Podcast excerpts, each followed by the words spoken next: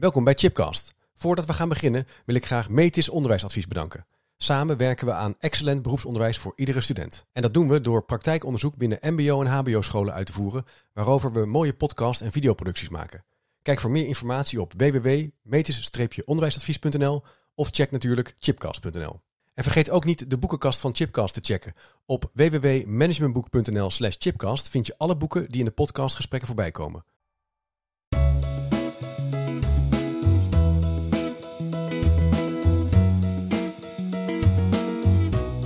Welkom bij een nieuwe aflevering van Chipcast. Een podcastserie waarin ik op zoek ga naar verrassende antwoorden en nieuwe perspectieven op vragen die mij bezighouden.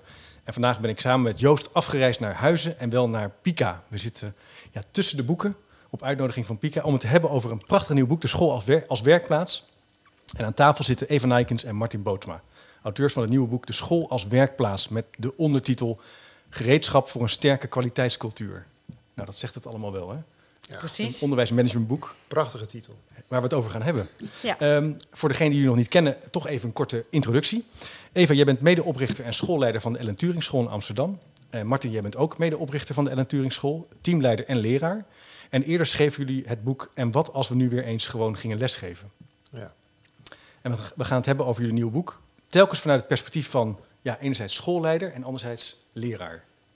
Dus dat gaan we doen. Prima. Hoe is het om hier zo te zijn? Om tussen de boeken een podcast op te nemen? Ja, heel leuk. Ja, Het ruikt altijd heerlijk. Hè? Nieuwe boeken ruiken altijd fantastisch. Ja, en het echt, is altijd hè? leuk om hier te zijn. En eh, altijd een beetje te neuzen tussen de boeken die er zijn. Wat mis ik nog? Wat kan ik eh, stiekem in mijn tas stoppen straks? Nee, dus, eh, maar het is heel fijn om, eh, om, om bij de uitgever te zijn. We hebben een goede relatie mee. En eh, fijn om, eh, om onze boeken uitgegeven te zien worden. En zo mooi uitgegeven te zien worden. Ja, het is echt heel erg mooi. Dat is Ja. echt heel, dat, ik krijg hier niks voor betaald om het te zeggen, maar het is echt een fantastisch mooi uitgegeven boek. Ook de andere boeken hoor, maar eh, het is ook wel een vervolg in zekere zin op een eerder boek. Eh, maar jullie, zijn, ja, jullie komen uit de praktijk, toch een boek geschreven, om misschien maar daar even mee te beginnen. Wat maakte nu dat jullie besloten om aan dit boek te gaan werken? Eva, misschien ja. jij als eerste. Ehm, nou ja, eh, wat maakte om dat we dit, aan dit boek wilden werken? Nou, ten eerste, een boek schrijven is wel een beetje verslavend. Dus als je dan je eerste boek eh, af hebt, dan zak je een beetje in een gat. En dan begin je eigenlijk al vrij snel weer te schrijven. Dus we zijn al 2,5 jaar geleden begonnen met het schrijven van dit boek. Maar heel veel, eh, we kregen ook wel veel vragen na het eerste boek. Mhm. En eh, de vragen waren vooral van, ja, hoe doen jullie dat in de praktijk? En wat we ook zagen is dat mensen toch ook wel vrij ja, instrumenteel Ja. met het boek omgingen. Ja. Dus dat ze als een gek eh, ambitie en kwaliteitskaarten maakten. En eh, dachten, nou ja, dan hebben we nu hele mooie kwaliteitszorg gemaakt. En wij hadden eigenlijk natuurlijk ook nog een beetje een andere boodschap. Hè, van eh, werk goed samen, dat Ja. hele mooie hoofdstuk over vakmanschap. Wat Martin in dat eerste boek had geschreven. Nou, dat verdiende eigenlijk wel een breder podium, vonden wij. En dat, nou ja, dat heeft geleid tot dit boek. Kijk. Overigens was het bijna niet uitgegeven, want wij hadden, stonden op het punt om het weg te gooien.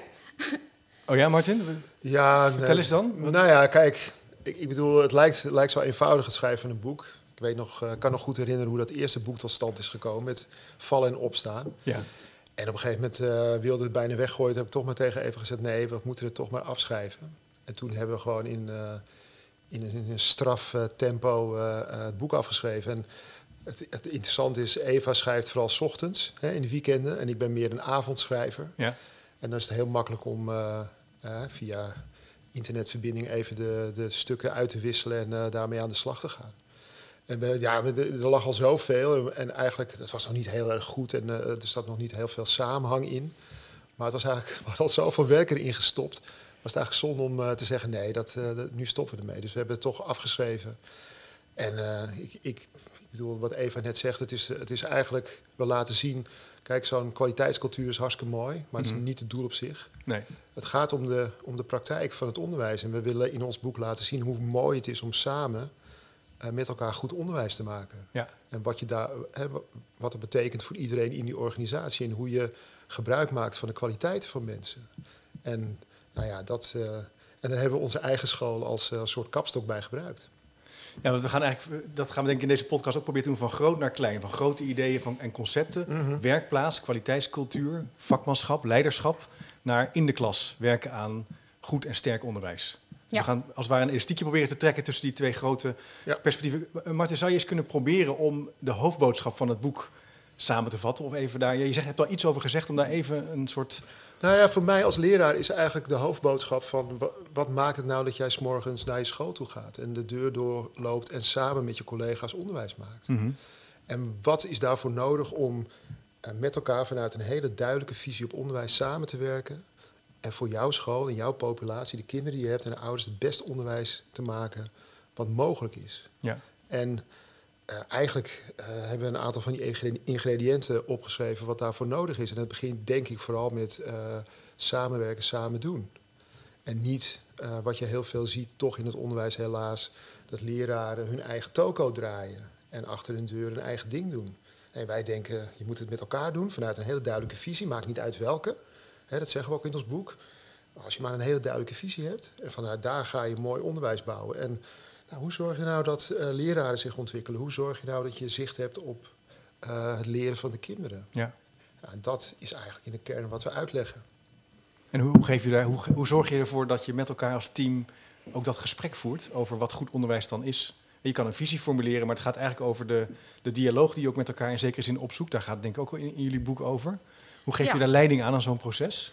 Ehm, nou ja, dat is natuurlijk heel erg verschillend. Ik denk dat dat ook een beetje uitmaakt van wat voor persoon je bent. Hè? Hoe je leiding geeft aan welke processen. Maar ik merk altijd dat, ehm, dat ik eigenlijk overal wel een kans zie om een van de elementen van onze school of de ideeën die we hebben weer eh, eventjes op te halen. Ik zei al, alles wat je aandacht geeft groeit. Hè? Binnen de school is dat ook zo. Dus als je dat op positieve aspecten eh, richt, wat je, waar je iets wil bereiken, dan zie je vaak dat iets anders een beetje achterblijft. Dat, dat merk ik hè, echt wel binnen de Mhm. school.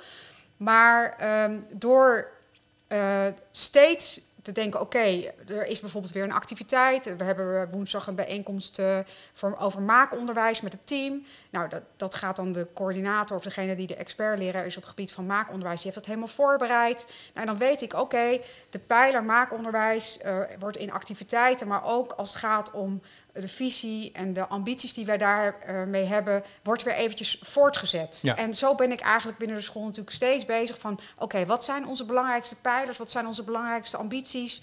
En worden die ook voortgezet? Dat, dat hou ik eigenlijk steeds, dat monitor ik steeds... en dat hou ik een beetje in de gaten. En als Ja. ik zie van, hé, hey, er zakt iets weg... dan haal ik dat weer eventjes op. Ja. Zeg je mij ook dat iedereen in jullie team eh, bezig is met, met deze pijler of met dat maakonderwijsvoorbeeld bijvoorbeeld? Dat je met z'n allen, of zeg je van nou dat is een kleine groep collega's? Dat zie je ook wel veel op basisscholen, maar ook weer in het VO. Ja. Dat kleinere groepen bepaalde activiteiten oppakken. Of zeggen jullie het is eigenlijk altijd aan elkaar verbonden in zekere zin? Uiteindelijk is het altijd wel aan elkaar verbonden. En het is ook helemaal niet vervelend dat het, of verkeerd dat het kleinere groepen zijn. Als zij hè, eh, daar voldoende ruimte voor krijgen en dat ook leuk vinden. Want dat is ook iets wat we in ons boek wel echt benadrukken. Van vraag eh, leraren werk te doen wat ze ook echt leuk vinden. Ja. Hè, stop mensen niet random in allerlei losse werkgroepjes omdat je nog tijd hebt of eh, omdat je nog uren moet maken. Nee, kijk eerst, is het ook zinnig? En vinden mensen het ook leuk? Want als je niet een soort affiniteit ermee eh, met het onderwerp hebt, dan is het heel moeilijk om daar eh, iets moois uit te halen, waar mensen ook echt hun energie en tijd in willen steken. En daarnaast eh, is het niet vervelend dat er een aantal experts binnen de school zijn die wat meer doen. Kijk, een school is een werkplaats, maar daar werken jonge mensen die in de kracht van hun leven zijn. Daar werken mensen die bijvoorbeeld eh, net een zieke ouder hebben die, eh, die ze moeten verzorgen, waardoor ze misschien wat minder energie voor hun werk hebben. Dus je bent samen dat team. En het is helemaal niet erg dat niet altijd iedereen maar op hetzelfde moment piekt. Hè, dus het is, met elkaar maak je goed onderwijs. En de een kan soms even een stapje harder zetten, heeft meer verstand van een bepaald vak of onderwerp. Dat is helemaal niet erg als je met elkaar maar aan die gezamenlijke ambities werkt Ja. binnen die school. Dus er moet altijd een soort beweging op zitten, maar er moet ook wel interesse zijn. Nou ja, kijk, Martin. eh, Eva vertelde net, je, hè, je hebt een visie en, en, en binnen onze visie heb je, hebben we een aantal pijlers. En daar hoort maakonderwijs bij. Dus dan is iedereen daarbij aanwezig. Maar we beginnen ook eh, eh, over anderhalve week met een nieuwe Secrets Lesson Study. Beschrijven we ook in ons boek. Ja, En dat is heel erg gericht op een, eh, een deel van onze school. En dan staat iedereen vrij om daar aan mee te, te doen. Een aantal leraren wordt uitgenodigd, want het betreft hun klas of hun bouw waar ze in zitten. Maar als een leraar zegt, nou, ik heb er tijd en zin in, sluit aan. Dus, hè, de, de, de, het is echt, hè, dus wij werken niet met taakbeleid, dat is altijd zo interessant om te zeggen. Dus er zitten geen mensen bij dat soort bijeenkomsten die er eigenlijk niet zouden willen zitten. Dus iedereen die daar zit, die is gemotiveerd en geïnteresseerd. En die zorgt er vervolgens ook voor dat de uitkomsten worden gedeeld binnen het team. En daarbij is uh, altijd wel de rol weggelegd, een rol weggelegd voor een expertleraar.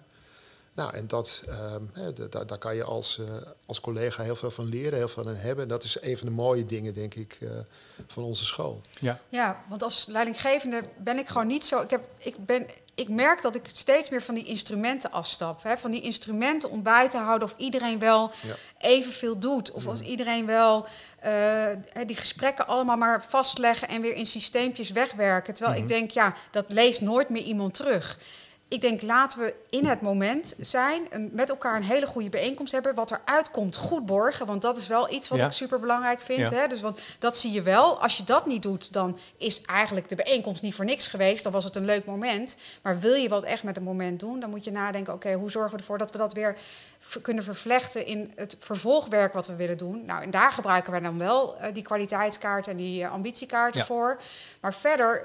Spelen ze eigenlijk geen grote rol van betekenis. Zijn het echt de, de momenten, de mensen, de, de werkvormen die we verzinnen, die leuk zijn, die inspirerend zijn, die door allerlei verschillende mensen worden georganiseerd, die ons als team verder brengen. Maar jullie hebben het in de, in de ondertitel wel over gereedschap. Ja. Dus net, Ja. het is misschien interessant om dat verschil tussen instrument en gereedschap. Ja, het is niet semantisch bedoeld, maar ik, ik, ik, ik heb toevallig vorige week gewerkt met een eh, schoolteam in het beroepsonderwijs. Maar die hadden allerlei tools en ICT-toepassingen tot hun beschikking. Maar daar werd helemaal niet mee gewerkt. Nee. Dus dat, zie je natuurlijk op veel scholen, Martin. Dat er is van alles Ja. wat je kunt gebruiken. En Wij, eh, eh, wij zeggen altijd in de beperking toont zich de meester. Dus wij denken heel goed na over ehm, wat zijn nou, eh, laten we het hebben over, over leesonderwijs bijvoorbeeld. Ja. Wat zijn nou ehm, gereedschappen die leraren moeten beheersen om een goede les te kunnen geven? En welke werkvormen kunnen ze daarin toepassen? Er zijn eindeloos veel werkvormen te vinden. En wij hebben gezegd nee, wij beperken ons. En je kunt beter zo'n werkvorm inslijpen en laten terugkomen. Eh, in je eigen praktijk, maar ook in de praktijk van de leerling. Dus Mhm. als ik in groep 8, waar ik voor de klas sta, een werkvorm toepas, ehm, weet ik zeker dat mijn collega's in 4, 5 die al eh, eerder hebben gedaan, ik hoef niks uit te leggen. Kinderen kunnen heel makkelijk ermee aan de slag. En, dat, en eh, als ik dat, dat beperkte eh, palet heb van gereedschap, maar goed gereedschap, dan kan ik daar heel goed mooi onderwijs mee geven. In plaats van dat ik steeds opgejaagd voel, wat ik heel vaak op Twitter en op Facebook zie, van ik heb weer een nieuwe werkvorm bedacht. Nee, zorg er nou voor dat je een aantal heel goed ja, ja. beheerst. En daar coachen we ook eh, nieuwe leraren bij ons op school in. Dus dat ze ook duidelijk weten van ja, nou, dit is het gereedschap wat ik inzet. En eigenlijk, en daar hebben we wel eens gesprekken over in een van onze presentaties, zit zo'n mooi gereedschapskistje. En eigenlijk moet je zeggen, eh, daar heb je drie lagen in voor leraren. Eén is gewoon de basisaanpak. Dan heb je kinderen ehm, die wat eh, extra nodig hebben. Welk gereedschap zet je dan in? En dan heb je ook nog een intensieve groep die je eh, intensief moet begeleiden. Ja. En welke gereedschap gebruik je daarvoor? En als je die beheerst als leraar, dan heb je ook niet het gevoel dat je zwemt, dat je tekort schiet. Maar je weet, oké, maar ik kan die gebruiken, ik kan die gebruiken. En dat ligt ook bijvoorbeeld heel mooi vast in, eh, in onze kwaliteitskaart. Dus het ziet er zo uit en zo doen we dat. Dat is wel mooi. Dus niet twintig verschillende werkvormen of Nee. dertig, niet het grote Nee. werkvormenboek. Nee, We zeggen, nou, laten we nou de twee, drie, Ja. misschien vier Ja. heel goed doen. ja. En op die manier kan je eigenlijk constant verbeteren en ook Mm. goed je lessen geven. Het kan- Nou. kost ook minder energie, kan ik me voorstellen, dat je steeds van tevoren in die beperkte voorbereidingstijd die je hebt, je lessen moet gaan voorbereiden. Ja, en het is zo moeilijker dan je denkt. Want eh, Ja. als je kijkt naar de school, naar eh, drie of vier gereedschappen, dat, dat zou je wensen. Hè? Maar dat, dat is al niet zo. Want je hebt al eh, als school aanpakken, methoden, methodieken. Voor elk vak heb je bij wijze van spreken weer een andere aanpak. Ja. Eh, je hebt een schoolbrede gedragsaanpak als het gaat om van nou, hoe gaan we nou om met gedragsproblemen. Je hebt interventies nodig, wat Martin net ook zei. Als het gaat om kinderen die het been even een beetje moeten, eh, eh, die je moet helpen om het been bij te trekken Ja. als ze een beetje achter zijn geraakt. Of misschien zelfs wel verder vooruit zijn.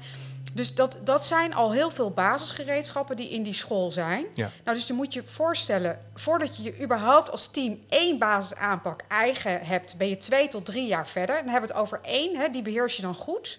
Nou, stel je voor dat je dat voor al die, nou zeven of acht verschillende methoden, methodieken moet. Nou, dan komt er dus een nieuw iemand, zo'n team binnen. En, en daar gaat het heel vaak mis in zo'n school. Omdat dan uh, een nieuwe leraar komt er binnen. Um, een, een, een, en die moet zich die aanpakken eigen maken. Ja. Maar je hebt ook wel wat leraren, want wij zeggen ook altijd... een nieuwe aanpak eigen maken is bijna net zo moeilijk... als voor sommige mensen stoppen met roken. He, dus die, die, die, die, die gaan wel beginnen ze... enthousiast aan die nieuwe aanpak... aan het nieuwe instructiemodel. Ja. Maar wordt het een beetje lastig... oh, toch maar weer dat andere. Of weer dat oude werkblad. Of de, die oude methode. Wij horen ook wel eens dat er scholen zijn... die gewoon eigenlijk de nieuwe methode invoeren, maar de oude niet wegdoen. En dan pakken leraren toch stiekem weer die schaduwboekhouding. Ja, ja. En, en, en dat soort zaken, hè, dus da, daar als leidinggevende ja, een beetje leiding en sturing aan geven. Dat ook een beetje in de gaten houden. Hè, van hoe loopt dat nou, de invoering van die nieuwe aanpak? Hoe loopt het met die nieuwe leraar? Kan die dat been ook bijtrekken? Ja. Uh, nou, dat is een beetje de kunst van het leidinggevende school. Klinkt ook alsof je ook wel rust creëert en overzicht creëert. Niet te veel, maar focus. Ja. Ja, dat probeer je. Probeer hè? Je bedoel, het is natuurlijk uh, lang niet, uh, het, het, is natuurlijk lang niet zo gecontroleerd nee. als je zou denken. Het is natuurlijk soms ook chaotisch en moeilijk. Ja. En, en, je moet altijd maar kijken, als je de thermometer erin steekt, van nou lukt het eigenlijk wel. Hè? Ja. Dat, er zijn allerlei instrumenten die je gebruikt om te kijken van hé, hey, lukt eigenlijk wel wat we voor ogen hadden.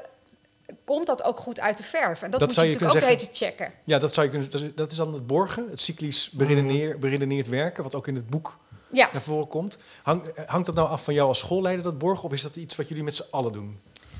Uh, ik merk wel van, het zit heel sterk in mij. Ik, ja. ik, ik, ik heb die neiging gewoon heel erg. Ik ben altijd gewoon heel erg geïnteresseerd. En ik merk wel, dat zit niet in iedereen evenveel. Nee. En ik vind dat ook niet zo erg. Kijk, als je binnen een team hebt, nee, uh, een is, aantal is, mensen die dat sterk hebben. Nee, maar ik denk, ik denk dat, het, dat het een cruciaal aspect is van een goede schoolleider. Ja. ja. Want um, ik denk dat je leraren niet ongelukkiger kunt maken dan dingen die je uh, uh, ontwikkelt, die je in gang zet, niet te borgen. En ook er niet voor te zorgen dat het onderdeel wordt van het handelen. Dus dan wordt het ene is niet afgerond, is eigenlijk niet geborgd. Dan wordt het volgende alweer gestart. Ja. Dan word je als leraar zo onzeker en ongelukkig van, eigenlijk. Dat heb ik een aantal keren meegemaakt in mijn carrière. Dat wil je eigenlijk niet. Je wil, hè, je, wil je vakmanschap uh, is ontwikkelen, is, is binnen, nou ja, binnen de kaders van je school, binnen ja. de visie. En daar is de rol van een schoolleider, in dit geval bij ons uh, van Eva, gewoon cruciaal. Ja. Maar dan hebben we, het, hè, we hebben dit afgesproken, dit is, die kant gaan we op. Wat kunnen we zeggen over de stappen in die richting? En wat kunnen we zeggen over de resultaten en opbrengsten? Hoe moeten we bijsturen? Ja, nou ja, en dat is wel een ingewikkeld aspect. Want kijk, ik vind het super. Ik maak altijd graag trendanalyse en ik kijk eigenlijk best wel veel naar data. Ik, ik vind dat heel leuk, maar ik merk wel data gaan eigenlijk altijd over het handelen van mensen. En mhm. als het natuurlijk een beetje tegenvalt, dan kan het maar zo zijn dat iemand voelt van ik heb het dus niet goed gedaan. Ja. En, en, en dat maakt uh, het omgaan met data heel ingewikkeld. En toch uh, probeer ik dan met mensen te zeggen van kom, laten we het even loshalen van jou. Het gaat niet om jou, maar hoe kunnen we nou, aan welk knopje kunnen we nou draaien om het een beetje bij te sturen? Misschien kan het niet helemaal optimaal worden gemaakt, maar wat kunnen we nog doen? En ja, dat zit voor mij wel als schoolleider de grote uitdaging in. En ook om mensen daarbij te helpen, zonder dat, dat mensen zich aangevallen voelen. En kun je dat eens uh, in, met een voorbeeld duiden? Bijvoorbeeld de middentoetsen zijn uh, nu recent geweest. Ja. Uh, nou, coronatijd gehad. Iedereen heeft het over achterstanden of mm -hmm. niet. Hoe zouden jullie vanuit de denkredenering van die werkplaats, of misschien vanuit jullie eigen school en en, kijken naar uh, die data en hoe jullie dan met die kwaliteitsaanpak werken? Ja, zal ik daar een beginnetje mee maken? Nou ja, sowieso maak ik dan een, uh, een analyse. Het eerste wat al een beetje lastig is bij ons op school is wij hebben een veranderende leerlingpopulatie. Dat betekent dat je ook je norm af en toe een klein beetje moet bijstellen. Dus wat misschien vorig jaar nog heel goed was, mm -hmm. dat kan nu net even niet goed genoeg zijn. Hè? Dus uh, het klinkt een beetje ja, onaardig, nee, ja. maar zo bedoel ik het natuurlijk niet. Maar je moet wel steeds scherp blijven op van, hey, halen we uit onze leerlingen wat er uitgehaald kan worden. En zo'n toetsmoment is natuurlijk een moment, hè, wat je wel van die toetsen mag vinden. Want ik, vind, uh, ik ben lang niet altijd tevreden over de kwaliteit van de toetsen. Dat vind ik over het algemeen soms best een beetje teleurstellend. Maar ik vind het wel interessant om te vergelijken. Hè. Dus je kan wel natuurlijk uh, cohorten met elkaar vergelijken en ook met uh, andere leerlingen. En dan gaan we er met elkaar naar kijken.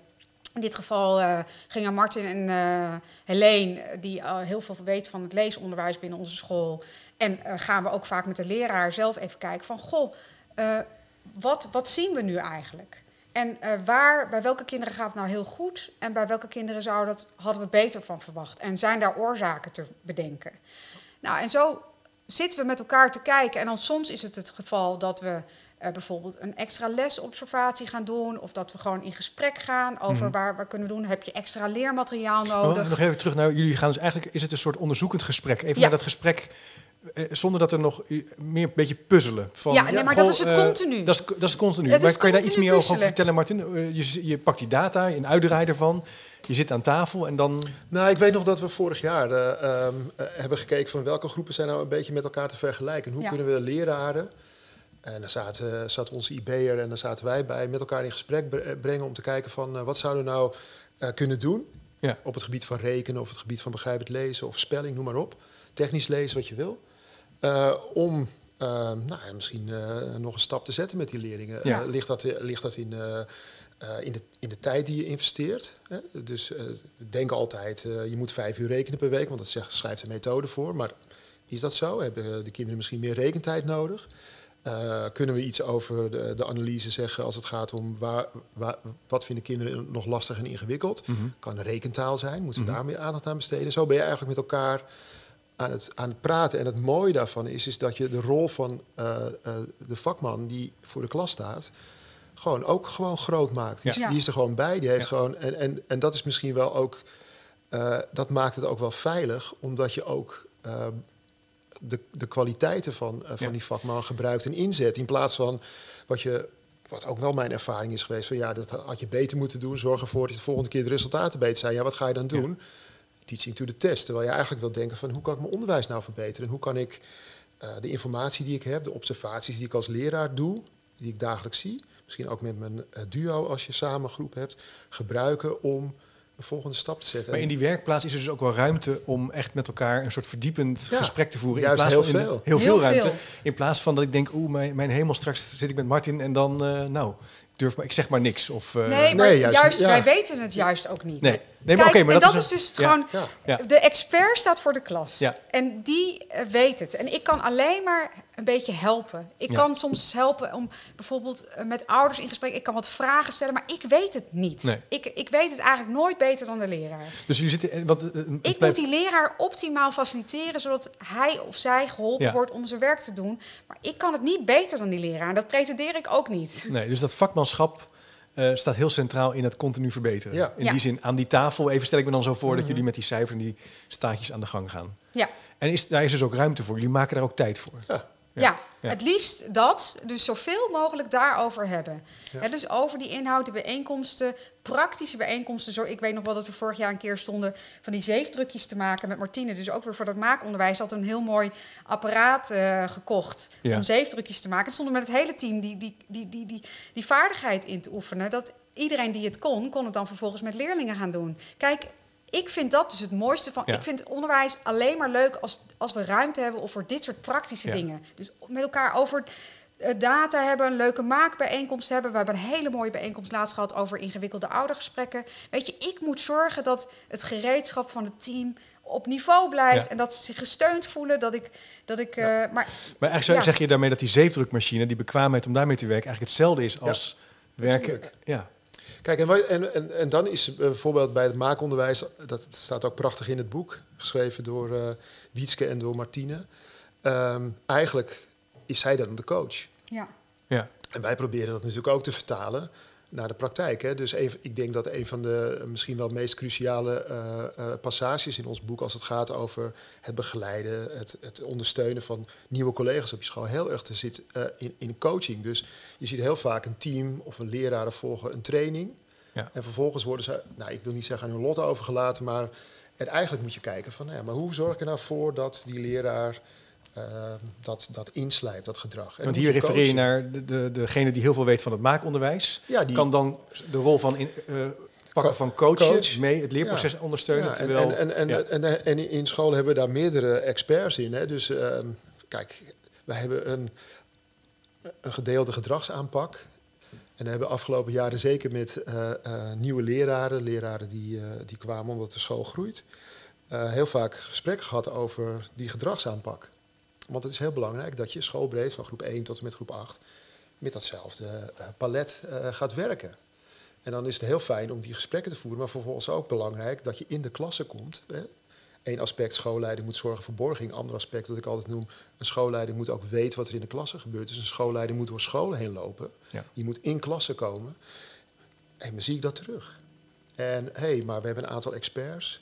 Die doen ook klassenbezoeken. Zien wij nou wat we met elkaar hebben vastgelegd, wat onze idee over goed onderwijs is, terug in het handelen van die leraar? Ja. Wordt het met andere woorden het gereedschapskistje ook gebruikt?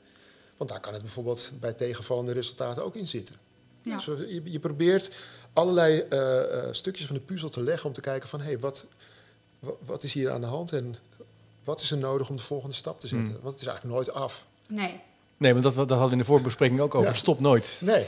Nee, Dat is natuurlijk ook het mooie aan het vak. Ja. dat is het leuke aan het vak. Maar je moet het eh, ook vol kunnen houden in die zin. Dus het moet ook een aanpak zijn die, uh, die niet de batterij leger laat worden. Nee, en uh, natuurlijk merkte ik met, met corona dat je dan merkt van oké, okay, al die ritmes en routines, want daar spreken we natuurlijk ook heel veel over. Hè. Het zijn eigenlijk ritmes en routines, Ja. die uh, een aantal dingen komen gewoon structureel terug uh, binnen de school, binnen dat, dat gereedschap van de school.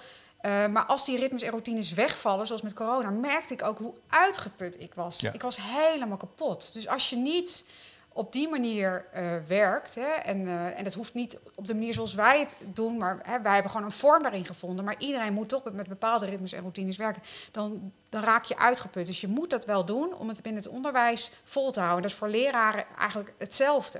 Hè, dat is voor schoolleiders zo, maar voor leraren ook. Ja, en, en, dat, en dat heb je alleen maar in de gaten als je in de school bent. Ja. Dus als je rondloopt, je praat met je collega's. Uh, Eva zei net, uh, je steekt een thermometer erin. Dan voel je sommige leraren, oh, die moet ik even helpen. Ja. Ik geef altijd het voorbeeld dat wij dan toetsen nakijken. Hè, de middentoetsen waar we het net over hadden. Ja, die kijken wij graag naar. En die, uh, dan gaan wij naast, naast elkaar zitten en kloppen we ze in het systeem. Hè, met foutanalyse erbij. Hoeft een leraar het niet te doen. Die kan gewoon... En die krijgt dan vervolgens keurig de uitdraai met de resultaten. Maar dus je moet je neemt veel toets af. Dus, nou, je helpt elkaar dan ook. Je ja. helpt je elkaar natuurlijk. Ja, maar dat, dat vind is, ik ook echt ja. wel mijn verantwoordelijkheid. Van, uh, je weet wat de pieken zijn. En dan moeten we even allemaal hands-on uh, doen. Dan maakt mijn werk uiteindelijk niet uit. Veeg ik alles even van tafel. Nou, maar dus je zou kunnen zeggen, de leider, het leiderschap gaat, gaat soms ook wel in dit tijdsbeeld over. Hè? De piketpaaltjes, sturen op afstand. Hè? Mensen, nee. en je zegt ook, ook gewoon helpen, werk uit handen nemen, samen ervoor gaan staan. Ja, maar daarom is die... Uh, dat is wel een belangrijk is, punt. Daarom is dat, dat beeld van de werkplaats zo belangrijk. Ja, dat is heel je, mooi. Eigenlijk, je zou een schoolleider de, meewerkende, de meewerkende voorman kunnen noemen. Dus je moet ook wel in, dat, in, Ja. in, dat, in, in die hele uh, nou ja, scholen, samenleving staan en zien wat er gebeurt. Ja, maar je moet ook echt wel wat van onderwijs weten. Ja, zeker. ja. Ja, en uh, nou wat ik heel leuk vind is bijvoorbeeld bij sommige, uh, als je het over passend onderwijs hebt, heb je altijd een aantal leerlingen waar je bijvoorbeeld wat meer uh, extra gesprekken ook met Ja. ouders hebt. En dat Ja. vind ik ook altijd heel leuk om daar een bijdrage te leveren. Dus ik vind het echt leuk om een beetje in de, in de periferie van het onderwijs eh, betekenisvol te zijn. En eh, te zorgen dat dat goed loopt. Hè? Ja. Dus dat mijn leraren zich eh, gesteund voelen. Dat ze, eh, dat ze weten hoe, hè, dat we zo'n gesprek goed voorbereiden. Dat we ook met elkaar duidelijk hebben van wat zijn de doelen. Kunnen we dat ook waarmaken? Ja. Eh, en, en, en, en dan, ja, dat, dat vind ik dus het mooie aan het vak. Dus het liefst ben ik in die zin ook zoveel mogelijk in de school. Eh, ik, ik, ik merk dat ik, ik heb er echt moeite mee. Soms willen mensen graag buiten de school afspreken. Of, maar ik ben niet echt eh, makkelijk uit die school Nee, eh, dit is voor jou al ver weg, zou je kunnen Nou ja, zeggen. dit is Dat dan we- mijn dag dat ik dan andere dingen doe, dus Ja, vind ik het prima. Maar nee, school heeft echt, ik moet er gewoon zijn. ja, en je moet er ook misschien graag willen zijn. Ja, Dus ook voor jezelf wel. is dat misschien een toets, een, een soort graadmeter. Ja. Jullie schrijven in het boek ook onder andere... een kwaliteitsaanpak kan je niet opleggen. Dus Nee. je kan geen school dwingen om met een bepaalde aanpak eh, te werken. Tegelijkertijd houden jullie wat mij betreft ook een heel duidelijk pleidooi... voor onderwijskundig leiderschap. Ja. Zou jullie iets kunnen zeggen hoe dat dan samenhangt? Dat voelt als een tegenstelling misschien. Je kan het niet opleggen en toch zijn er wel een bepaalde aantal aspecten die heel belangrijk zijn. Die je Nee, maar ik doen. denk, ik denk dat het heel belangrijk is dat, dat elke school als werkplaats dat zelf eh, met elkaar bepaalt, met het team. Van Ja. hoe, hoe doen wij dat hier? Het zou toch, he- het zou toch echt zonde zijn als we eh, in heel Nederland eh, ongeveer hetzelfde op de scholen krijgen. Ik denk dat het ha- hangt af van eh, waar je school staat, Ja. ehm, welke leerlingen je hebt. Maar ik denk dat het, het, zou, het zou heel bijzonder zijn als je bijvoorbeeld een bestuur hebt die zegt, ja, op al onze scholen, wij werken voor een bestuur van 32 scholen, moet het allemaal zo zijn. Ik denk dat je heel erg moet kijken van welke kwaliteit heb ik in huis. Mhm. En hoe ga ik die als, als, als organisatie optimaal gebruiken om de school, het team en de leerlingen te ontwikkelen. Je zegt eigenlijk dat is het startpunt van die Ja. kwaliteitsaanpak is dat gesprek. Dat is Ja. dus per definitie niet op te leggen. Nee. Nee. Nee, het zijn Nee. echte ingrediënten. Ja, oké. En kijk, wat wij eigenlijk gewoon zeggen, dit zijn ingrediënten, er zijn er nog veel meer. Ik bedoel, stel je voor, dit is groentesoep. Ja. Nou, en een ander kan een ander soort soep maken. Het maakt Ja. mij niet zoveel uit, maar Nee. maak soep. Ja, ja, ja oké, duidelijk. Dus het kan... en, en is het nou ook zo dat je met... want De vraag die ik nog wel eens krijg, of als ze eh, over jullie de podcast hebben geluisterd... of het boek hebben gelezen, het eerdere boek...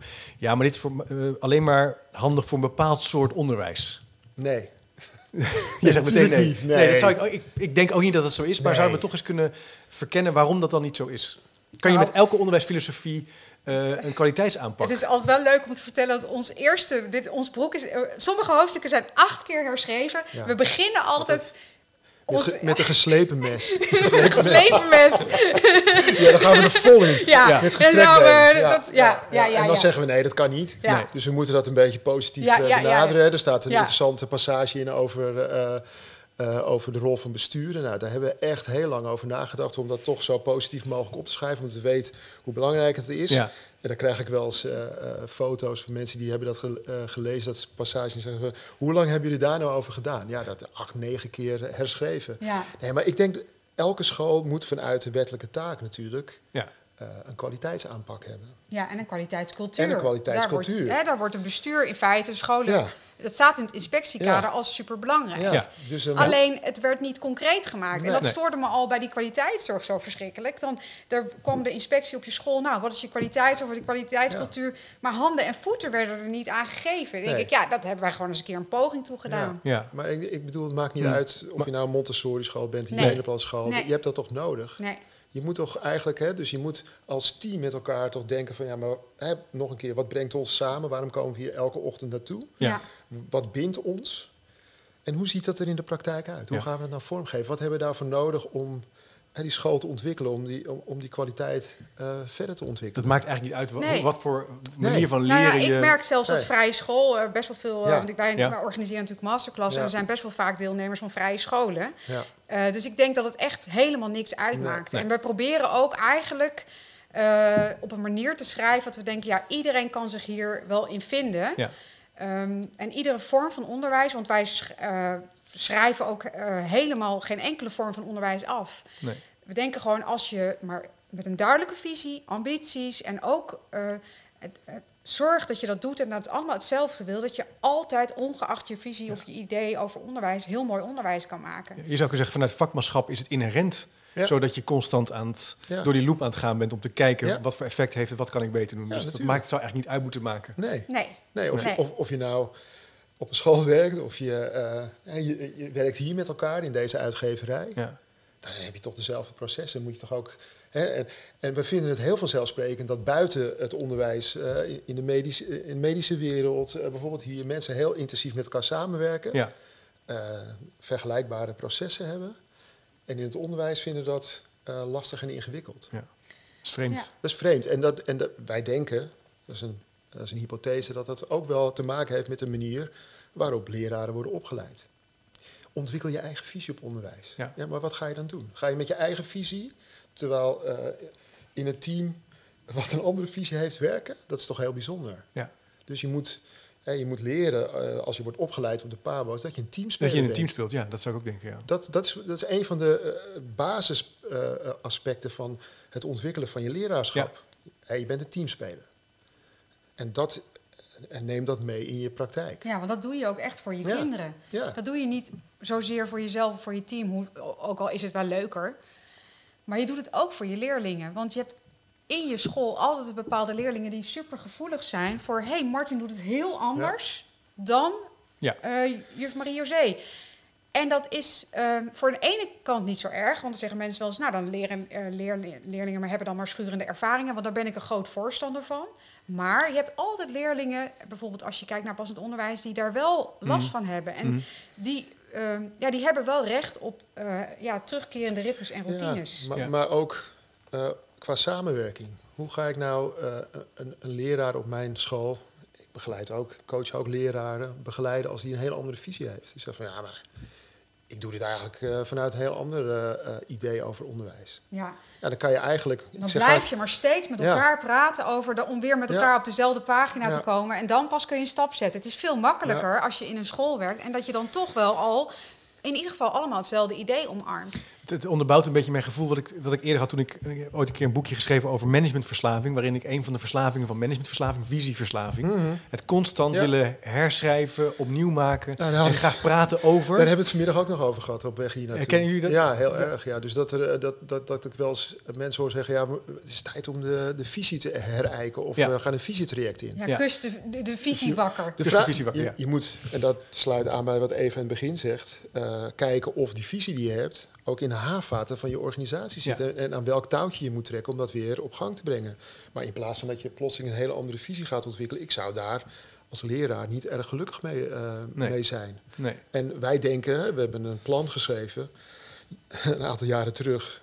Nou, die, dat idee over onderwijs bestaat over tien jaar nog. En Ja. over twintig jaar ook nog. We hoeven Ja. helemaal niet een nieuwe visie te ontwikkelen. Nee. Je moet zorgen dat die visie door nieuwe mensen. Hè, want Zo'n organisatie verandert voortdurend. Er komen mensen bij, er gaan mensen weg.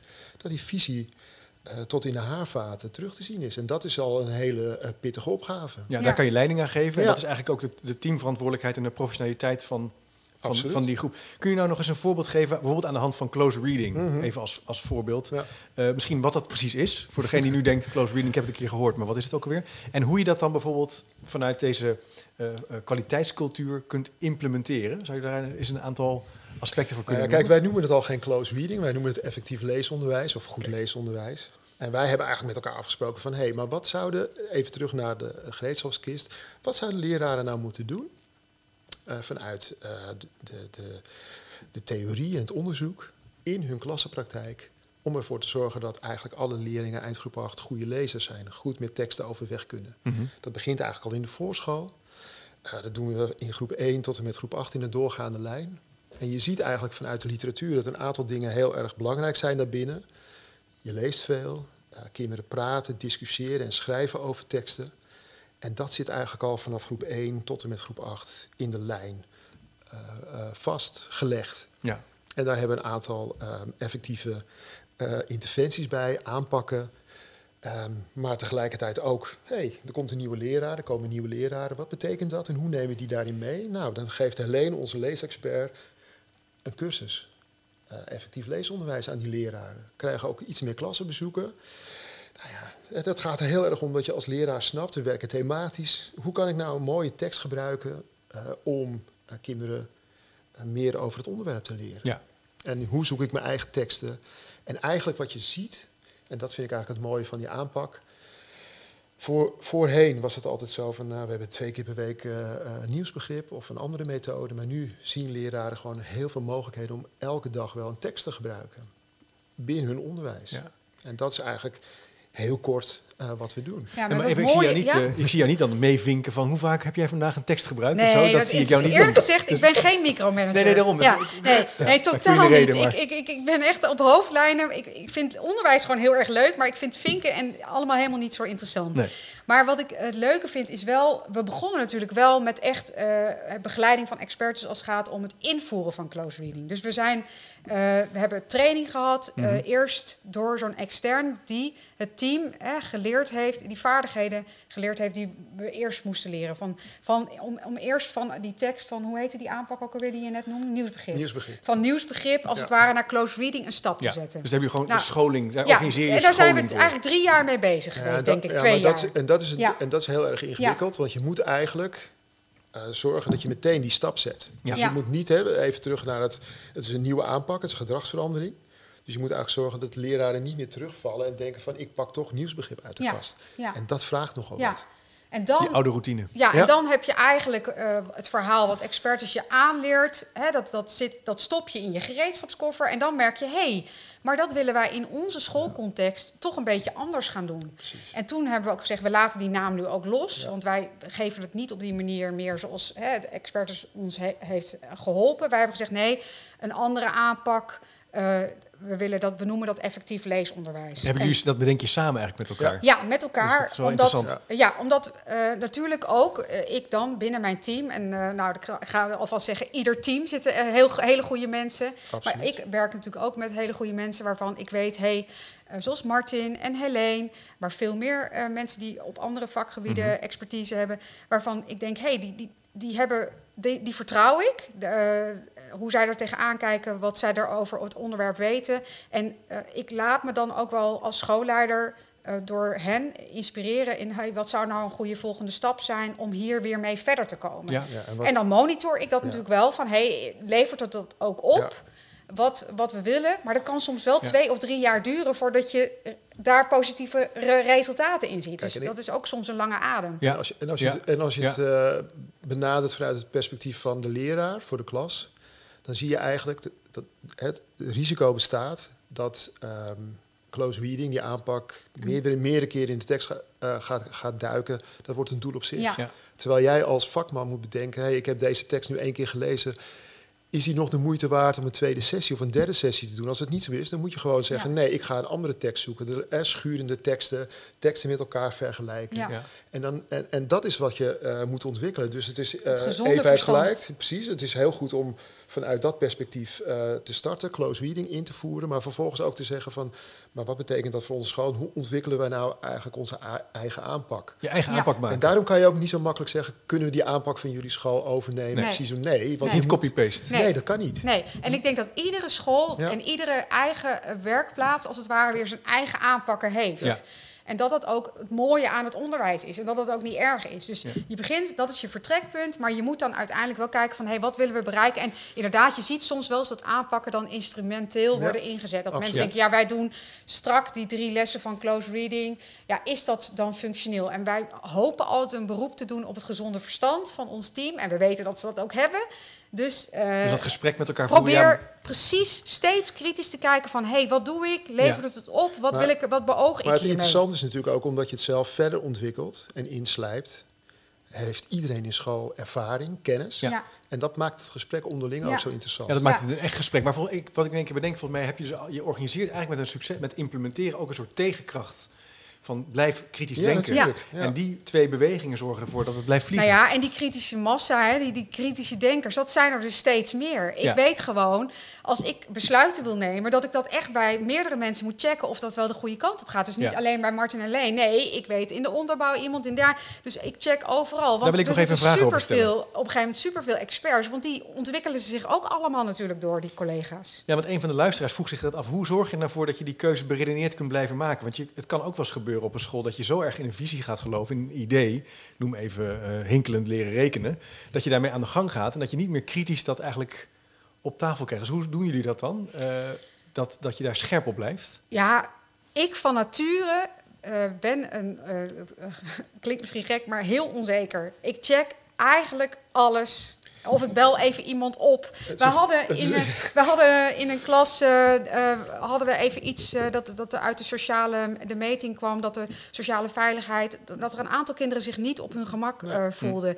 En dan is het meteen dan, dat we met de leraar gaan kijken, maar dan bel ik ook wat mensen op. Hey, denk even mee, wat zou dan een goede aanpak kunnen zijn? Dus ik heb, ik heb nooit zoiets. Ik Nee, denk niet maar- van dit is Nee. altijd het Nee, antwoord je op deze ook wel vraag. Ik twijfel de hele dag Nee, door. Ja, dat, dat- en dat, dat is ook zo. Dat irriteert hem soms wel eens hoor. Jawel, maar In het begin dacht hij, zeker. oh, waar ben ik aan begonnen? Ja, ze ze, ze lijkt er zelfverzekerd, denkt, ze er komt iemand eh, binnen en die, eh, Die weet hoe die het doet moet. het uh, het even zonder, vertellen. zonder enige twijfel. Nee, dat, Nee. eh, omdat ik zelf ook een twijfelkont ben, dat is de reden. Eh, kijk, eh, wij hanteren er eigenlijk vier uitgangspunten die ooit, denk ik, zijn geformuleerd door de inspectie. Die zal ze vast ergens geleend hebben. Doen we de goede dingen? En doen we die goede dingen goed? Hoe weten we dat? En wat vinden anderen daar nou van? Dus de- eh, wat Eva net zegt, dat laatste aspect, we vragen mensen van buiten om eens even mee te kijken. Ja. Dus, je, eh, dus, dus hoe voorkom je die tunnelvisie? Zorg dat er andere mensen eh, meelopen, meekijken. We zijn ook dol op eh, bezoek Ja. eh, van collega, collega's, scholen. Geen Ja. enkel probleem van, nou kijk eens mee. En als die kritische vragen stellen, ik kan me nog een gesprek herinneren, onder andere over woordenschat. Daar denken wij echt heel anders over dan heel veel andere scholen. Maar onze opvatting, en hoe, hoe, hoe, hoe weten we nou dat dat een goede opvatting is? En waar vinden we dat in terug? Ja, en misschien hebben we het ook al Ja, een keer mis. Natuurlijk. Wij zitten, Weet je- ja, filosofie noem dat Ja, voorbeeld maar. nou ja, we hadden inderdaad... eh, kijk, soms merk je ook dat je tegen de grenzen van je mogelijkheden aanloopt. Hè? Dat je wil natuurlijk altijd meer. En op een gegeven moment, we hadden heel prachtig thematisch onderwijs... en die close reading. En dan denk je, nou, Ja. het zou toch mooi zijn... als onze leraren ook nog eens een keer fantastische filosofische gesprekken... met die eh, leerlingen kunnen voeren. Dan denk ik, ja, want ik kan nog wel tien dingen bedenken. hoor. Als we dat nog zouden doen, zou ons onderwijs nog mooier zijn. Maar dan zouden echt mijn leraren allemaal één dag minder moeten werken... Ja, en nog meer tijd of hebben. ja. Of, of meer moeten werken. Nee, maar dat gaat dus niet. Oh, dus ja. je merkt dat het onderwijs altijd aanschuurt tegen wat wil je doen en wat, kan, wat kunnen we qua tijd en ja, energie ja. en kennis en wat kunnen we bereiken. Jij noemde Dus al eens een keer het dienblad ja, met ja, de ja, ja, kopjes. nou dienblad. Het, eh, De wet van Beaumont ja, ja, dat, hè? Ja, Ja, ja. dus Dat- da- ja. daar, daar worstel je natuurlijk steeds mee. Ja. En toen hadden we bedacht filosofie en eh, we kregen dat ook gratis. Eh, ik kon iemand die lessen geven. Ja, en ik zag mijn team, ons team zitten, helemaal uit elkaar gezakt. en ze gingen natuurlijk ook ondermijnend gedrag laten Ja. zien. Ze gingen gek doen tijdens Ja. die bijeenkomst. Eigenlijk gedrag wat ik helemaal niet van ze eh, herkende. Dus ik dacht, nou, dit, Ah. wat gebeurt hier nou? Ja, en over, we overvroegen we overvroegen te eh, veel. het team. werd te gewoon veel. te veel. Ja, hebben we gewoon gezegd, en toen hebben we gezegd, we ermee. kappen ermee. Ja. Ja. En daar heb ik wel een fantastische kwaliteitskaart gemaakt. Die heb ik ook bewaard. Maar die Ja. gebruiken we dus helemaal nooit. Wie want ik- dat is dus ook weer zo'n zo'n holle, zo'n huls is het. Het- Ja, maar dat betekent dus ook dat je niet alles wat je doet hoeft helemaal geïmplementeerd. Nee. Soms doe je gewoon dingen waar je zegt, nou, dat er stopt, falen dat gewoon stopt altijd even. dingen. En er dat falen ook dingen. erbij. Natuurlijk. Absoluut. Wat ik interessant vind, wat we hier, hiervoor, wat jullie allebei zeiden, we zijn ook wel in zekere zin onzeker. Ja. Dat is eigenlijk- is dus blijkbaar een belangrijke, nou ja, ik wil niet zeggen, ook wel een fijne eigenschap. Waardoor je beredeneert, kritisch blijft denken, ook wel zorgvuldig blijft. Ja, maar een- kijk, eh, Of staat het jullie in de weg? Losmakende twijfel is prima, maar je moet op een gegeven moment wel eh, een knoop Voorwaarts. durven doorhakken. Ja, eh, ja, hakken. Ja, dat heb ik wel. Dus je moet wel, Ik voel wel. En, en, en eh, wat je heel vaak ziet is dat scholen die willen heel graag bijvoorbeeld een kwaliteitskaart ontwikkelen of een Ja. ambitiekaart en die moet er af zijn. En wij zeggen nee, nee, nee, luister, Nee. je maakt een eerste opzet en dan ga je, hè, dat, dat noemen wij zo mooi incrementalistisch, ga je ervaren hoe dat is en dan stel je bij. Ja. Maar je moet wel durven blijven bewegen. Het, Ja. moet, het moet niet leiden tot een Ja. soort verstarring Ja. en een angst om de volgende stap Ja. te Dus je moet een prototype Ja, je durven moet wel maken. beginnen. De eerste versie. Je moet wel beginnen en je Ja. moet ook keuzes durven maken. Ja. Want ik zeg wel, als je geen keuze maakt, is het altijd erger Ja. dan, Ja. hè, dan dat, dat je een verkeerde keuze Ik moet maakt. een beetje denken aan een boek van een eh, vriend van mij die zei Move before you're ready. Dat vond ik wel een mooi concept. Ja. Dus durf in beweging te komen, maak een eerste versie, ja, dan heb je in ieder geval ja. iets waar je het langs Dat kan zeg hebben. ik altijd Ja. tegen In mensen. plaats Dat doe van- ik ook. Het overanalyseren. Ja. Eh, ja, v- interessant. Maar nog even dan een punt. eh, eh, in jullie school wordt dus even in die metafoor van die tafel veel nagedacht, veel uitgewisseld, in Ja. de klas gekeken, eh, naar Ook cijfers tijdens gekeken. pauzes. Tijdens de ja, pauzes. Ja, gewoon de hele tijd ja, gezellig en leuk, maar Ja. en ook wel to the point. eh, Dus er, er over zit een vorm in van eh, borging, van continu verbeteren. Eh, hebben jullie dan een enorm fancy ICT-systeem waar dit allemaal wordt in vastgelegd? Dus hoe zit het Ja, met het heel kennismanagement Kennismanagement. systeem? Om even Nee, die joh, je Ja, moet- je- gewoon eerst. Dropbox. Kijk, we hebben, we hebben ooit eens een keer... eh, de- Eva heeft ooit eens een keer een grap, grap op Twitter gemaakt. Het is tegenwoordig heel erg lastig om een grap op Twitter te maken. Ja, van dat, dat, leer- dat leraren in de pauze bij elkaar zitten met kwaliteits- en ambitiekaarten Ja, met dat is elkaar onzin bespreken. namelijk. Nee, we hebben dat allemaal keurig vastgelegd Ja. in, een, eh, eh, in Ja. een systeem dat heet kwaliteitspiep. Eva roept altijd, hebben we geen aandelen voor, maar het is een heel fijn systeem. Kan Ja. elke leraar bij. Oké. Ja. Ja. En dan dat vind ik wel belangrijk. En, da- en dus je kan altijd op zoek naar informatie. Er hangen ook eh, interessante artikelen, eh, achtergrondinformatie bij. Dus stel je voor, ik type in leesonderwijs, krijg Ja. behalve de eh, kwaliteitskaart en ambitiekaart ook artikelen die wij belangrijk vinden. Kan je als leraar eh, je weg in vinden. En Eva heeft een hele strakke jaarplanning. Dus eh, drie weken van tevoren weten we, er komt dit aan. Bijvoorbeeld rapporten schrijven. Stuur alvast even de eh, kwaliteitskaart eh, rapport eh, mee. Omdat dat processen zijn. Je doet het maar één of twee keer per jaar, twee keer per jaar. Ja, ja. En, je, en dan vergeet je wat waren ook weer precies de afspraken. Ja. Ja. En daar komt heel veel stress Ja. vandaan bij Ja, leraren. zeker. Ja. Dus Eva doet aan de voorkant heel veel om te Ja. zorgen dat leraren daar geen Er stress zit een soort ritme voor in Ja, wel. natuurlijk. en ook wel eens zeker van ontzorgen. Dat je Ja. zegt, nou, dat stuur ik even op. Ja. Eh, en, ja, en- ik dus hou dat- heel erg van ontzorgen. En ik, ik- misschien ga ik daar best wel ver in. Maar die ritmes en routines, ik Ja. merk wel... Ik zit daar, ik, daar hou ik me wel aan vast. Want ik Ja. merk wel van, ik, ik voel wel van, ik moet vooruitkijken. Ik verwacht dat van mijn collega's niet altijd. Ik weet dat de een het sterker doet dan de ander. En, maar ik denk, als ik het doe, dan weet ik in ieder geval dat we met elkaar die Ja. stappen vooruit Dus daar, stuur je wel in zekere zin op. Ja, en sommige leraren zeker. hebben dat nodig. Ja, en, ook andere- nieuwe leraren, ja. die kunnen dan Ja, in die ritmes en routines Ja. meegroeien. Ja. Beetje Want- afkijken. Ja, Natuurlijk. want- Ja. ja. Ja. Vaak zie je dat je in teams dan, want dat is natuurlijk de valkuil. Hè? We zijn nu zes jaar, zes jaar bezig. Dat dan dan de oudgediende precies weet hoe alles werkt. En dat je dan niet meer goed genoeg uitlegt voor de nieuwe. Waardoor je een soort kenniskloof krijgt in je team. En dat moet je eigenlijk zien te voorkomen. Die moet je, zoals elke kloof, hè, loonkloof. eh, nou, en, eh, Overbruggen. en, een kloof van. eh, Slechte, Ja. Sander Schimmel ken ben ik over sala- eh, salaris en arm en rijk. Nou, kloven moet je toch op een bepaalde manier zien te overbruggen. En ik zie wel voor mijzelf als schoolleider daar een belangrijke taak. Ja, Maar dat moet, vraagt dus wel dat, dat iedereen het meemaken van dat sy- systeem, het, dat het van jezelf wordt, dat moet je dus eigenlijk steeds continu doorlopen. Je kan Ja. niet na verloop van tijd zeggen, Nee, en, het- hebben het- en- en als je een nieuwe collega krijgt, is dat heel erg interessant. Ja. Want die ziet meteen waar de tekortkomingen zitten. Waarvan wij denken dat is vanzelfsprekend. Die zegt, ja, Ja. maar dat Oh, kan ik helemaal niet vinden. Nee. En daarom is het Dat is wel juist leuk dan. de stem van een, van een nieuwe leraar, is, Ja. eh, een nieuwe collega, is daarin gewoon heel belangrijk. Ja. Ja, jullie zeggen wel dat dit eh, eh, Ja, je- gesneden koek is, maar hè, dus, eh, de- en dat, dat moet je gewoon eh, nou, ja, ook ruimte geven en Ja, zorgen ja, dat die stem, dat je die hoort. Ja. Ja, dat Nou, zijn, jullie- hele interessante mensen, nieuwe leraren. ja, daar kan je eigenlijk Ja. heel veel van leren. Dus, Ja. Ontzettend veel. dus Ja. die, die- in plaats van dat je zegt, ze moeten allemaal op, eh, in, eh, ja, dat heet wel eens tegenwoordig onboarding, hè? I- immersion, HR-termen, Ja. mee moet in het DNA van de organisatie. Zeg je, nee, wacht even. Zij kijken anders, daar kunnen we weer van leren. Dat helpt ons eigenlijk om de kwaliteitsaanpak te verbeteren. Ja, Nou zijn jullie ook volgens mij, als ik het goed heb begrepen, een excellente school Ja. geworden. Of ja, hoe, hoe gaat dat dan? Eh, ben je dat nu? Of, Ja, gewoon heel veel lobbywerk doen. omkopen, Omkopen, steekpenningen. ja.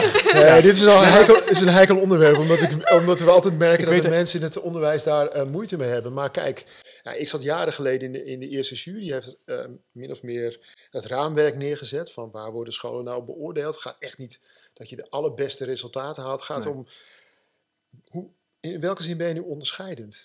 En ik denk, eh, nou ja, ik ging samenwerken met Eva en Eva had een excellente school in Amersfoort. En die zei van, nou, ik, ik beloof je, je, ik maak een excellente school, zodat jij een keer kan zeggen, hé, hey, ik werk op een excellente school. Dat was eigenlijk het grapje. Ja, Maar goed, op een gegeven moment kwam de inspectie langs en die eh, zei, kijk eens mee, doen we de goede dingen goed? En eh, hoe gaat dat? En we kregen de, de beoordeling goed.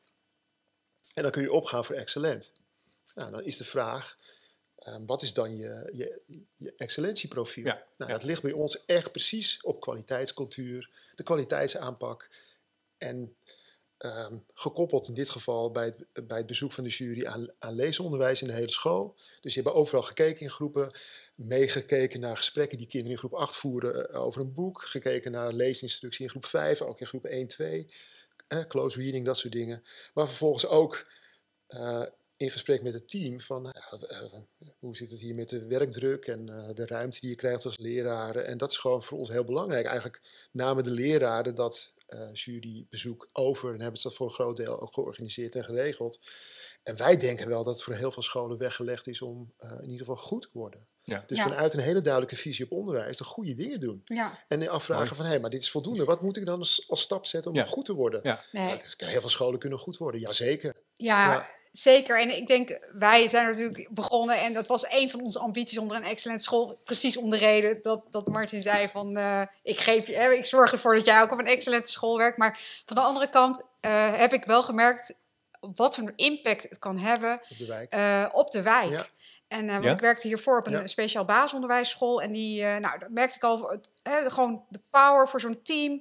eh, wat het met kinderen doet. Maar nu, Ja. eh, in de wijk, eh, de Oostelijke Eilanden waar wij werken... Ja. Is, een, eh, is veel gebeurd in die buurt. Ook veel negatief in het nieuws Ja. geweest. Nou, we hebben, nou, zelfs de wijkagent kwam met bloemen langs. Ja. En de kinderen zijn trots en het team ook. En, En- ik denk, het is dus niet zozeer... Nee, eh, Nee, Er dat- doet echt wat in het sociale Nou, nee, maar de, best- die- ja. de, beste reacties, de Ja. beste reacties kwamen van de ouders die Ja. ons dan... En Ja. dat gaat niet via Twitter, maar dat gaat via eh, ons interne Ja. eh, systeem Social Schools. Ja. Van eh berichten sturen van hoe trots ze waren. ja. Ja. En ehm, nou ja, dat staat eigenlijk ook in ons boek. Hè? De, de schoolleider als architect die ook in staat is om eh, invloed te hebben op hoe zo'n wijk zich ontwikkelt. Ja. En ik denk als je, als je dat in een school, school in een wijk neerzet, die gewoon heel mooi goed onderwijs geeft. Waar iedereen trots op is. Waar, Ja. waar de kinderen en de ouders trots op zijn.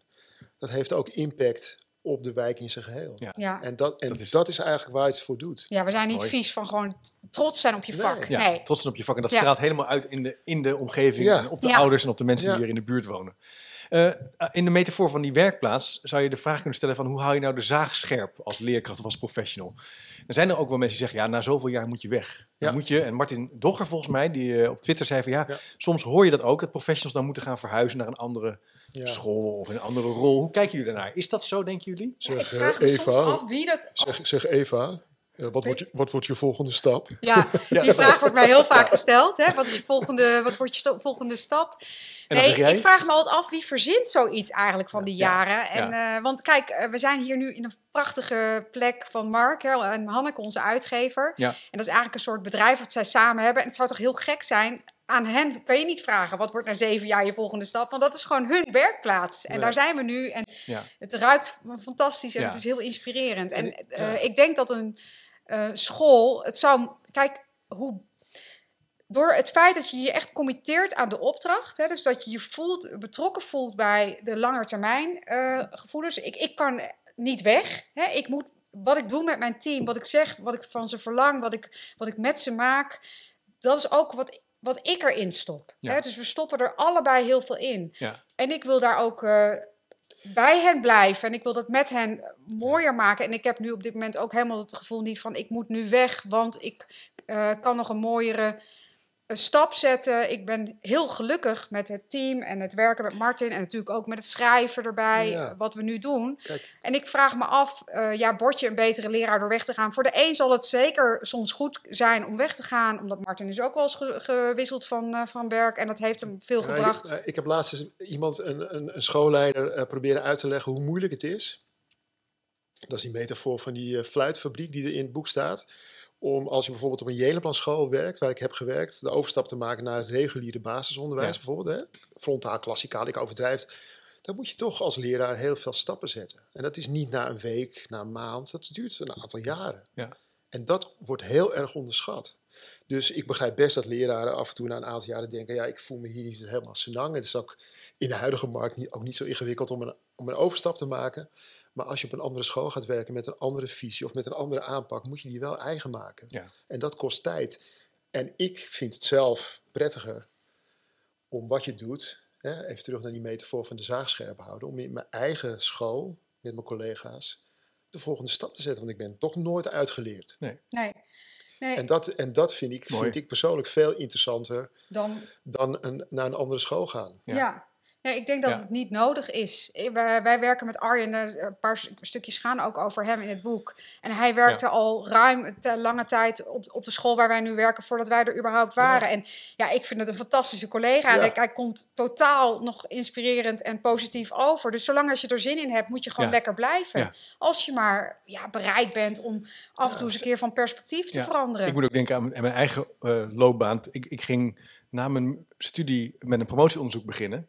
En ik herinner me nog dat ik eigenlijk toen op de dag van de verdediging pas dacht van... ja, eigenlijk heb ik het nu pas door wat mijn vraag is, als ik heel eerlijk ben. Ja. Je begint, terwijl je dan in één keer het moment dat het dan af moet zijn, dacht ik Mhm. nou, dat is eigenlijk een hele gekke redenering. Het is eigenlijk veel belangrijk dat je het nog de moeite waard vindt om door te gaan.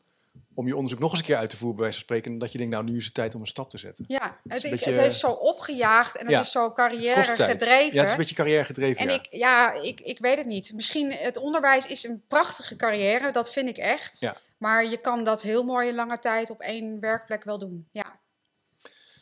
Laatste vraag wat mij betreft. Nou, misschien één laatste vraag. Op het eind van het boek hebben jullie ook wel eh, eh, hebben jullie aandacht voor het idee van een professionele standaard in het onderwijs. Ja. Kunnen jullie iets zeggen over waarom dat belangrijk is en ook wel waarom het belangrijk is in het tijdsbeeld waarin we leven? Want het, wat mij opvalt om ons heen als het gaat over onderwijs, dat er ook wel een beweging is van loslaten van bepaalde standaarden. Bijvoorbeeld eh, toelaten van studenten die naar de PABO gaan of het idee van nou ja, ja, objectieve kennis. eh, Nou, moet ik heel, eh, daar hebben, hebben Eva en ik Hoe heel vaak gesprek over. Ja. Nee, ehm, wij hebben in dat laatste hoofdstuk, wat misschien wel een heel cruciaal hoofdstuk is in het boek, eh, zijn we met opzet begonnen eh, met, eh, met het aanhalen van Paul Jongbloed. En die dan prachtig eh, de vergelijking maakt eh, met, eh, eh, met de medische zorg. Die zijn eh, veel meer vanuit standaarden gaan werken. Dat heeft echt eh, positieve resultaten voor de patiënten. En even terug naar het begin van het gesprek. Eh, het is voor ons ondenkbaar dat je binnen school eh, accepteert dat de ene leraar een andere aanpak heeft dan de ander. Hm. Eh, het, het, het zorgt ervoor dat de, de ontwikkeling van kinderen misschien hapert, maar Ja. het, het, het dwarsboomt ook het samenwerken. Het kan ook zomaar zijn dat leraren aanpakken hanteren die helemaal niet effectief zijn. Misschien zelfs contraproductief. Ja, het is, en, en onderwijs is samenwerken, samen mooi onderwijs maken. Hè? Dus een van de vragen ook die ik op Twitter voorbij zag uh, komen van... Uh, moet je altijd aan één groep vastzitten? Of, ja. wij, wij kijken, we zijn langzamerhand begonnen met de formatie van volgend schooljaar. We maken de sterkste opstelling kijken naar de groep. Welke leraar zou daar het beste bij passen? En hoe gaan we dat met die leraren bespreken? Dus je doet het samen. En um, nou ja, dan is het gewoon heel erg belangrijk om uh, vanuit een bepaalde standaard te werken. En als je dat ja. inslijpt, heb je daarachter als professional nog heel veel ruimte ja. om je eigen afwegingen, keuzes te maken. Ja, en ik denk zo'n standaard ontslaat je natuurlijk niet vanzelf nog te denken. Het zijn nee. vaak meer, hey, uh, vergeet niet die stap te zetten. Vergeet niet uh, die ouders, ouders ook goed uh, te betrekken bij het ja. proces. En dat zijn stappen die je snel overslaat, omdat je ze niet hè, steeds maar weer opnieuw doet. Uh, als je bijvoorbeeld met een leerling, uh, met de ouders wil praten over versnelling of over vertragen, dan is het fijn dat je daar bepaalde stappen in zet. En dat is wat natuurlijk ook waarom we ook uh, Paul Jongbloed aanhalen. Mm. Als jij naar de arts gaat met je knie en je hebt daar een plek, dan wil je dat de arts bepaalde zaken uitsluit. Ja. En dat is wat wij ook doen. Maar daarnaast stimuleren we wel dat leraren hun eigen gezonde verstand gebruiken. Ik ja, zat ja. ook met een leraar te kijken. Uh, we hadden uh, twee leerlingen die een uh, NT2-leerlingen waren. Hè, dus die mm -hmm. niet, de Nederlandse taal was niet hun thuistaal. Of is, is het niet hun thuistaal, niet, niet hun eerste taal. En die kinderen hadden op de CITO-toets wat lager gescoord dan wat wij verwachten op basis van de gesprekken die we met die leerlingen hebben. Dus ik heb ook tegen die leraar gezegd: Nou, scheid aan die toetsresultaten. Zeg gewoon tegen die ouders: dit zien wij en hier geloven wij in en hier gaan we voor. Ja. Dus het is absoluut niet dat we dan uh, niet meer denken, denk, niet nee, meer nadenken. Het is eigenlijk juist het versterkt het denken. Het versterkt het denken ja. enorm. Ja. En natuurlijk, in sommige gevallen moeten bepaalde processen doorlopen worden, omdat het anders bijvoorbeeld uh, bij als je een schors- of verwijtproces hebt, moet je dat uh, strak doorlopen. Ja. Maar verder is het puur: hey, uh, zijn we niks vergeten? Hebben we goed genoeg nagedacht? Zijn ja. er nog ritmes en routines die we kunnen ja, gebruiken? Maar er zit, er zit een interessante ironie in. Hè? Dus leraren vinden het heel lastig. Ja. Maar tegelijkertijd zijn ze door de bank genomen, en ik hoop niet dat ik nu heel veel leraren beledig, slaaf van de methode. Daar denken ze nooit na. Maar kom aan hun autonomie en dan gaan ze op hun achterste benen staan. Ja, dat is vreemde dus, en, en, ja. uh, en, en, en, en die spagaat zien ze heel vaak ja. niet. Ja. Dus wij denken, hé, hey, maar omdat we juist een aantal processen hebben gestandaardiseerd... En wij de methode juist weer niet. Nee. nee. Dus wij zeggen tegen leraren, uh, kijk eens eventjes naar uh, de leerlijnen. Uh, kijk eens wat kinderen aan het eind van groep 3, 5, 8 moeten kennen en kunnen. Ja. Leg die methode er nou eens naast. En wat kan je overslaan en wat, wat wordt er niet aangeboden? Ja. En er zijn leraren die, die zeggen, ja, maar kom niet aan mijn autonomie. Maar vervolgens, ja, jongens en meisjes, bladzijde 48... Les 3. Les 3. ja. Ja. En, en dat moet veranderen. Dat moet ja. veranderen. Ja. Dat moet echt veranderen. En daar kunnen professionele standaarden bij helpen. Want Precies. die zijn al een soort vangnet voor... Hè, de, blijf je nog wel de goede stappen zetten. Ja. Leuk. Hebben jullie al een idee wat jullie volgende boek wordt? Of uh, mag ik dat nog niet vragen? Nou, daar zitten we wel een beetje ja, over na te hebben. Maar we hadden eigenlijk gezegd, we gaan twee jaar niks doen. Maar hij begon alweer met iets. dus uh, kan gewoon niet, we, we, laten het wel weer een keer weten. Nee, maar kijk... in de kern zijn wij makers. Ja, ja. wij zijn makers. En uh, ja. wij vinden een schoonmaken uh, heel fijn en interessant, maar een boek maken is ook heel fijn ja, en leuk. Is leuk. Het is een heel zwaar proces, het is een zware bevalling, maar het is wel heel leuk om te doen. Dus op het moment dat uh, dit nu gedrukt was en klaar was, ga je toch in je achterhoofd denken... Er is altijd heel veel vraag naar onze thematische aanpak. En die zouden we misschien, misschien eens met het hele team kunnen uitwerken. En gewoon een, een, een, maar dat zijn losse ideeën en ja. daar zit nog verder geen, geen sturing en richting aan. Nee, eerst nog maar even vieren dat dit boek er is. Uh... Ja, het is wel echt, ik ben er wel echt heel erg trots op. Ontzettend leuk. Ja. Nou, bedankt Eva en Martin dat jullie uh, de tijd willen nemen om in de podcast te komen. Ontzettend leuk om met jullie van gedachten te wisselen over de school als werkplaats. Hier op het uh, prachtige ja, boeken, boekenhuis ja. van Pika. Uh, beste luisteraar, als je nu denkt, ik wil meer weten, ga dan even naar chipcast.nl. Dan kan je automatisch de nieuwsbrief ontvangen, gratis en voor niks. Uh, ik zal ook wat linkjes pla plaatsen over de gespreksonderwerpen die we langs zijn gekomen. En ik zou zeggen, bedankt voor het luisteren en tot de volgende keer.